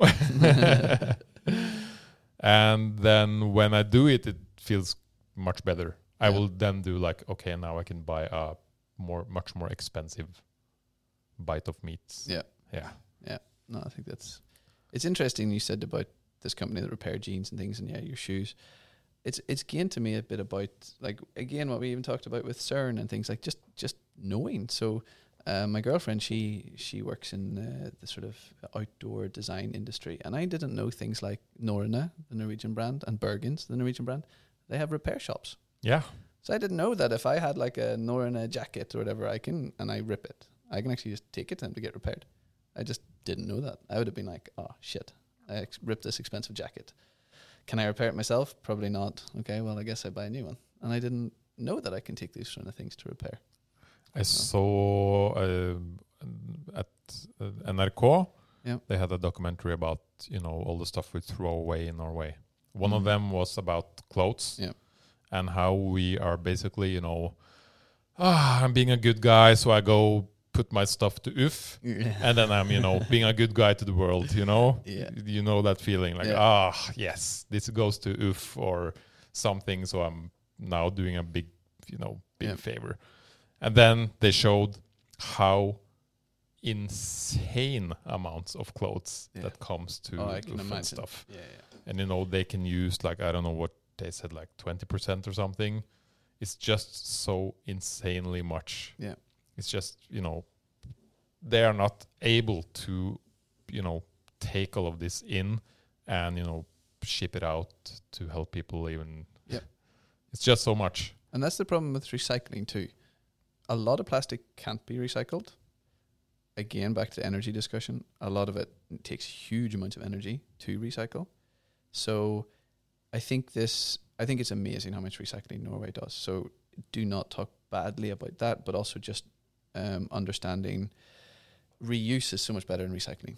You know, so I love there's some shops in Oslo now that you can go and do things like bring your own container and fill it with pasta. Yeah. So they just have buckets of pasta and a scoop and rice and things like that that are easy to do. So instead of always thinking, oh, well, I can recycle it, realizing that, well, if you can just reuse it, it's so much better because recycling still takes huge amounts of energy. And in a lot of cases, like you just said, that even in clothes or whatever it may be, only a percentage of it can be recycled. So if you take a full box, um, if it can be recycled, maybe only 20% of it comes back. So Mm.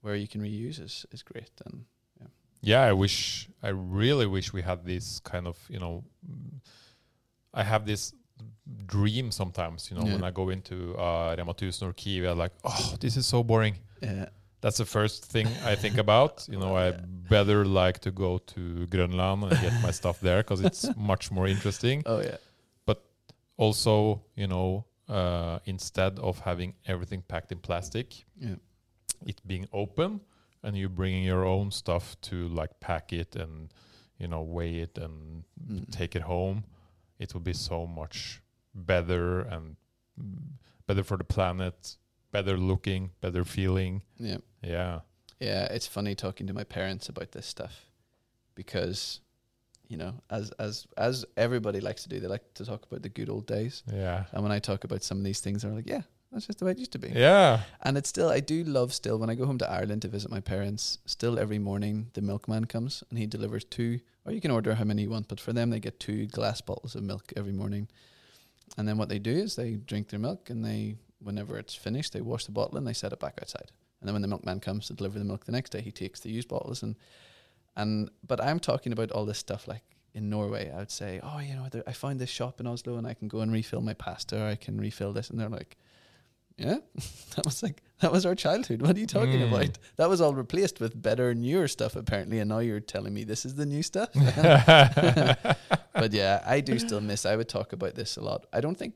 Yeah, it's one of my complaints about Norway. I think generally food shopping in Norway is pretty horrendous. Oh, Um, it's a bit boring, uh, even compared to say across the border to Sweden. You can just get so much more variety. But not just that, I I miss. Um, when I grew up, and it, you can still get it some places in Ireland today. It's still not as big as it used to be. but I used to go to one street. So we used to go. We didn't go like today. You would go to Tesco's. My mom and dad would say, "Okay, well, let's go to Tesco's to do our weekly shop." We would have in the past said, "Let's go to the Craiger Road." And this was one one street. It's called the Craiger Road, and there was lots of these roads, but that was just the one close to me. And on this one street, there was maybe 20 shops you went to, or maybe you didn't go to all of them. One of them was your vegetable man, and one of them was your Mm. butcher, and one of them was your, you know, where you went and got uh, your school utensils. Um, first of all, you got a, a very friendly service because you would have went in and they would have said, "Oh, hey Marty, you know, what do you think of that steak I gave you last week? Do you want something similar this week?" But then you were, you were dealing with people like specialist people, like people that knew the vegetables, and you they weren't all wrapped in plastic because the vegetables you got were the things that were in season. I'm so embarrassed. I had a conversation about this recently that I'm actually really embarrassed that I don't know the seasons of vegetables anymore. Yeah. So when they tell you things like, "Oh yeah, eat what's in season," I'm like, "What is in season?" Okay, it's What is in August. What's in season? Yeah. Uh, and then you're sitting in December. You're like, "What's in season in Norway now?" Is anything? I don't know potatoes. And it's embarrassing because we're so used to being able to get any berry. and it always looked the same. Yeah. What I also learned is basically, I think also Norway is very special within this because we are such a rich country. Yeah. But they always send the absolute, you know, not the best tasting, but best looking Ah. fruits and vegetables to Norway. That's why it always looks the same. Yeah. Yeah. Have you ever tried growing your own carrots? No. I think this is really funny. Every time you go into a Norwegian shop, every carrot is perfectly straight, Yeah. about the same size. Just grow your own carrots in your back garden, and when you see maybe ten percent of them come out looking straight and like a normal carrot, the rest look, I don't know, like a like an abscess or something. So I just wonder what happens to all the ones that don't look nice and straight and perfect carrots. But I guess talking about this is, you know, how can, uh, as you s- asked earlier, like how can me as a consumer and person in the world Mm. get to do better choices like this? Yeah. And I guess what's missing is, you know, you have this uh, app called Happy Cow, Okay. which is haven't heard of this basically for vegetarians and vegans to Ah. find restaurants that, you know, have uh, vegetarian or vegan friendly dishes.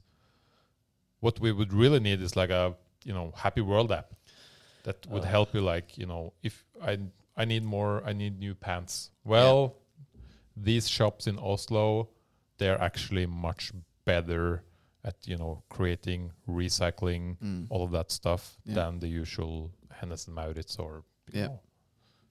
It would be so nice. And then, yeah, I, I, the the reason I asked the question is I think this is the thing I struggle with the most. yeah because I feel very lucky when we just talk about energy that I'm I'm in the business. I'm working with it every day, and even I will still doubt some things and question, oh, what's better, what's worse, what's.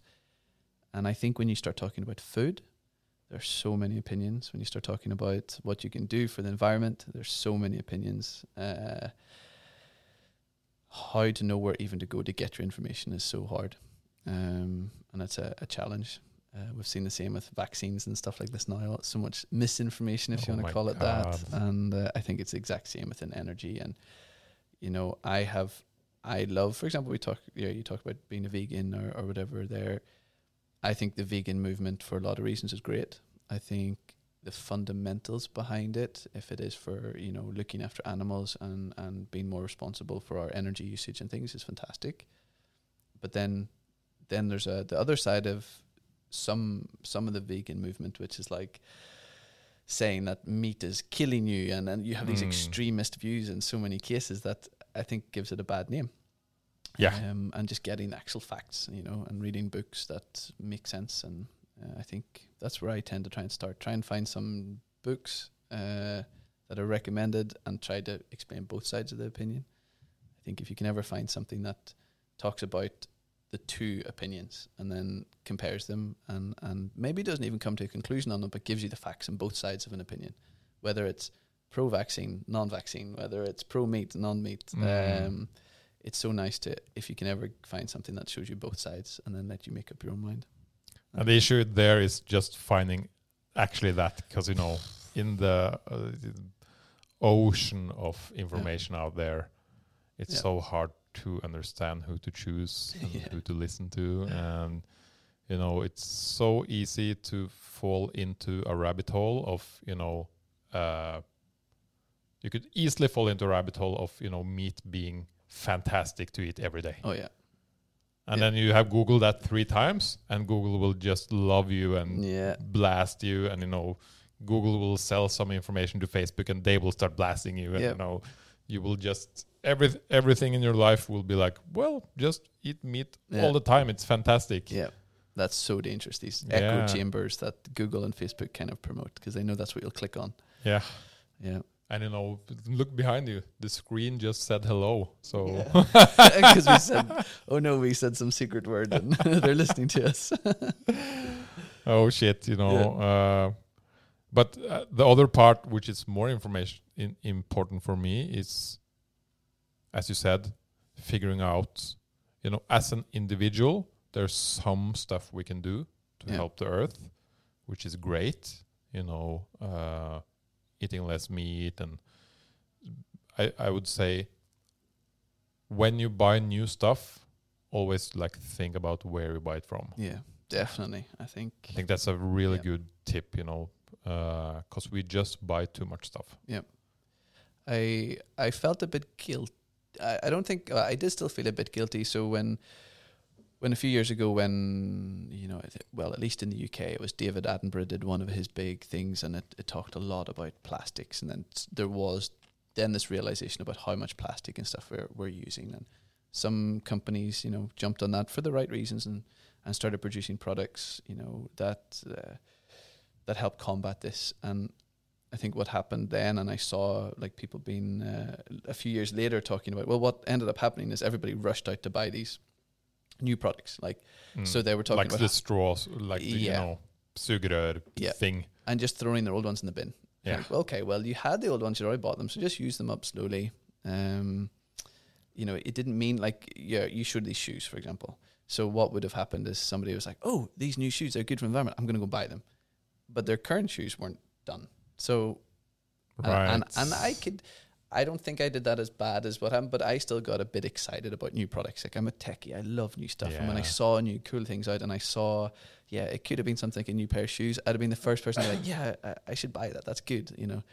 But realizing, well, I've got good shoes right now that yeah, they're maybe not as as good as the new ones I want, but I should use them up first, and then go and buy the, the new ones. And Mm. uh, it's a bit easy to just rush and buy uh, when quite often you don't need it. And I think it's it's a it's very common in Norway, especially. I don't know if it's because there's a bit of money around or something, but it's very common to always have the the latest uh, this this year's model of the Helly Hansen jacket or whatever it is. yeah. But I, I'm, you know, back to that thing about putting the guilt on the consumer. Yeah, I think that's part right, Mm. but it's too much guilt on the consumer Yep. and too little guilt on, you know, the industry and, Yep. and the people that that create all the shit we use. Yep. You know, and the straw thing was a great example. Yep. Because they're like, oh, it's fish in the ocean, and they, you know, that eats some of the straws or sugerør Yep. that we have used, and it's so, you know, terrible.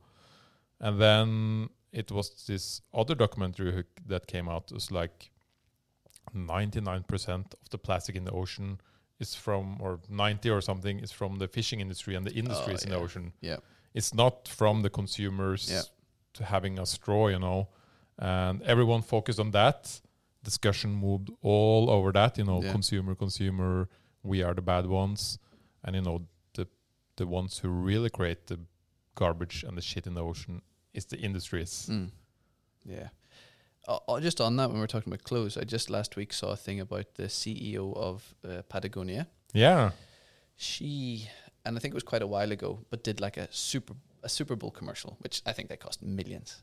Um, I can't remember how I I wasn't reading about this for a sustainability reason. I think I was it was something about advertising. I, I can't remember how I came across this article, but you said about it being it's not the consumers to made to be feel bad because I think it is hard.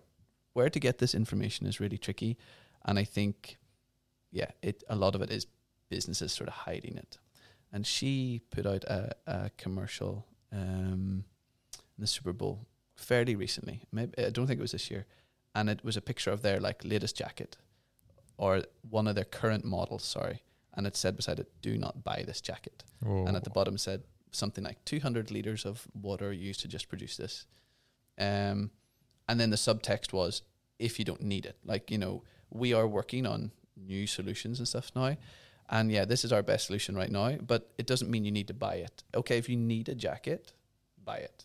But and and it's the fact that the the main text was, you know, don't buy this if you don't need it. And I, I, think that it. was a great example of uh, uh and then probably a shitloads of people bought it it, was right? so cool to buy it. Yeah, probably. yeah, maybe it was just a fun marketing trick. But uh, I think that's where I think businesses need to become more responsible. It's Mm. the consumer. Like we we can't know everything about everything.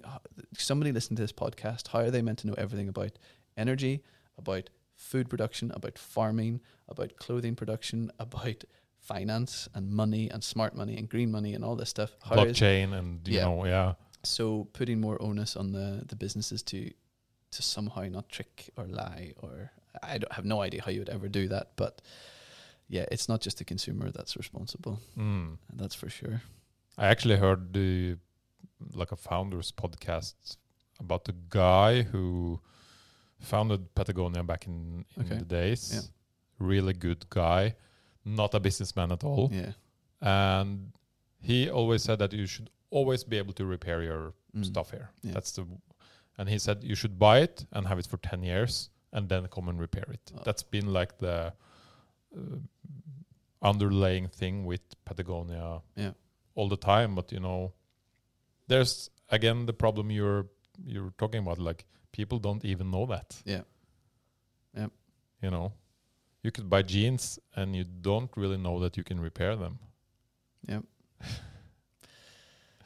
But yeah, a happy world app that should be some things which you know have the rating system. You Yeah. know, ah, yeah, Yeah, like a rating system. That's I guess a good way to get a it's not just an app maker telling you where you should buy your stuff from. It's actually people being able to share it somehow and share information. Because that would be Mm. my fear. If there was a happy world app and they said, you should buy these jeans, they're so good, I'd be like, okay, is there some Hmm. incentives here? Yeah. what about this other small company from, you know, from small town I know about in Ireland? Why aren't they on this? And I think the ability to let users actually put things up and rate them and stuff, I guess, Mm. would be great. and and you know always also think deep in your mind like if a t-shirt actually costs 50 kroners Yeah. you know it's not made in norway so it's basically shipped from asia Yeah. How is that basically possible you know Yeah. you know should you, should you buy something for 50 kroners is it high quality the- uh, you know how is that possible to create that and sell it that cheap Yeah. you know it's made for you to buy more and buy more often and it's it's rather and and you know if you would rather buy a t-shirt for 500 kroners Yeah.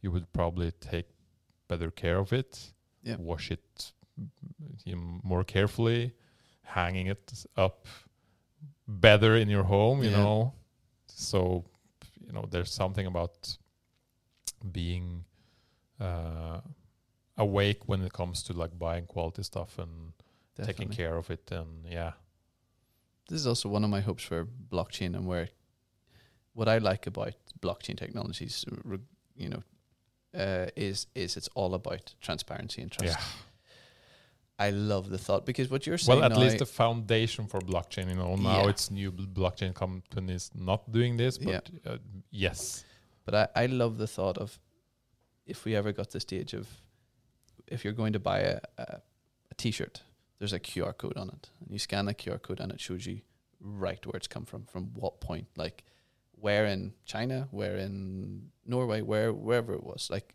a full, yeah, ledger that shows the full traceability of of that. I guess that's going to be hard to get to because then companies will say, well, that will disclose their suppliers and stuff like this. I don't know if you can ever get there, but at least the potential is there, and I would really like that because I think it is hard. Um, I've been in a in a a facility in China, in Shenzhen, in China. Uh, I went there to do some predictive maintenance work. Um, so I was there as a, a techie, but it was on a, a a thread company, and they were they were owned by a a European. They were a European based company. So, but they had factories in China and Pakistan and stuff. and I went there. So this was meant to be one of the best, and I just I was there for just over a week, and the people were lovely, but the working conditions were just horrendous. like, and and this is meant to be one of the best, and I know this supplier supplies some of the the nicest and and highly rated clothing brands in the world, and I just think I struggle so much to know like what is quality. You know, I don't want to buy the fifty kroner T-shirt. I want, but then am I paying five hundred kroner for a brand name, or am I paying five hundred kroner for quality? Mhm. Um, I'll pay two thousand kroner if I know it's something that will last me and it's well made uh, in a in a sustainable way. But how do I know that? Like, but that's where I hope. I, I struggle to see how it will work. I, I can see how it will work technically with blockchain technology, but how it will work in the business world, I'm not sure. But I love the thought of in the future having some transparent ledger system that just shows the source of products, not Mhm. just clothing, but a camera you want to buy. Where did the raw materials come from? Yeah, maybe we The rating, you know, yeah some kind of system that shows you like, boom, this Yep. is a green one, exactly get it, totally and, And this is a Black Widow. Don't Yeah. buy this shit. yeah yeah and of course people will still buy it because yeah in some cases you have to or whatever but at least being able to make that decision whereas at the moment it seems kind of hard to make the decision hmm um, because you don't really know So You don't really know. no At least I go to smaller stores yeah where it's people like Livid yeah. Or like New Movements here in Oslo. Both of them have really conscious founders or people working there, which know a lot about the industry and how Yeah, it's made and where it comes from and how the product line is and supply chain Yep. and and they're also very honest about you know we are that many percentage uh, circular. Yeah. And the rest we basically uh, are working on but that's wonderful because nobody's perfect. Yeah. and for somebody to stand up and say this is what we're good at this is what we're bad at. I love that. And just think of the level of service you get and something like that and you yeah um i love it. I think that's fantastic and to hear where they can and there there's back to the bit more than where you can contribute later. If you're if you see companies and they're open about this is what we're good at but this is where the technology still needs to to improve then if you are lucky enough to be in the position one day of wanting to invest money or wanting to support a, a cause or something having that transparency will really help you make those decisions Mm. if you know there's a technology that new movement are working on maybe they themselves are trying to build the technology and they're open and transparent about you know our our shoes are 60% 80% whatever it is you know renewable or have a, a good circular like uh, uh, rating um, but here's where we are trying to invest to make it improve then then you're maybe able to make those decisions better on oh maybe this is something I can help because this means something to me it Mm. makes sense and they're being open about where they still need to do work you're not just going in there and they're saying oh don't worry we make the most sustainable shoes in the world that might be true but I how do I know that Yeah. Hmm. How do you really know that? yeah Wow. Well, at least support these kind of brands. yeah definitely They are really cool and amazing. Yeah. And, uh, and awesome they're local here as well like I'm sure every country has similar-ish type things but so cool if they're local yeah. that's um, that that just makes it feel better as well even even as a buyer nice to know that you're supporting something a bit local and you probably get much better service And you know the founder in in this is quite funny. The founder in uh, New Movements called Martin. He has like 100 years of uh, shoemaking in his family. oh that's cool Yeah. oh, that's amazing and the founder in Livid, I think uh, he came from working with uh, Lev- Levi's jeans Mhm. and stuff for like 10 years. Yeah. So he knows all the stuff that's needed to create quality jeans. Yeah. And they are where like, please don't buy a lot of jeans here. oh Yeah. it's a bit like the Patagonia ad Yeah. that's so good Just, you Yeah. know, just buy one, maybe two. Yeah. Like you can have one black and one blue or something. And then please come and repair it. The first Yeah. repair is free. oh wow Yeah. brilliant We need more stuff like that. uh. Yeah. Awesome talk, Marty. yeah this is so good Yeah. Good. I will surely invite you back one day and um, thank you so much for coming. Huh? pleasure it's been really fun Yeah. thank you Cool.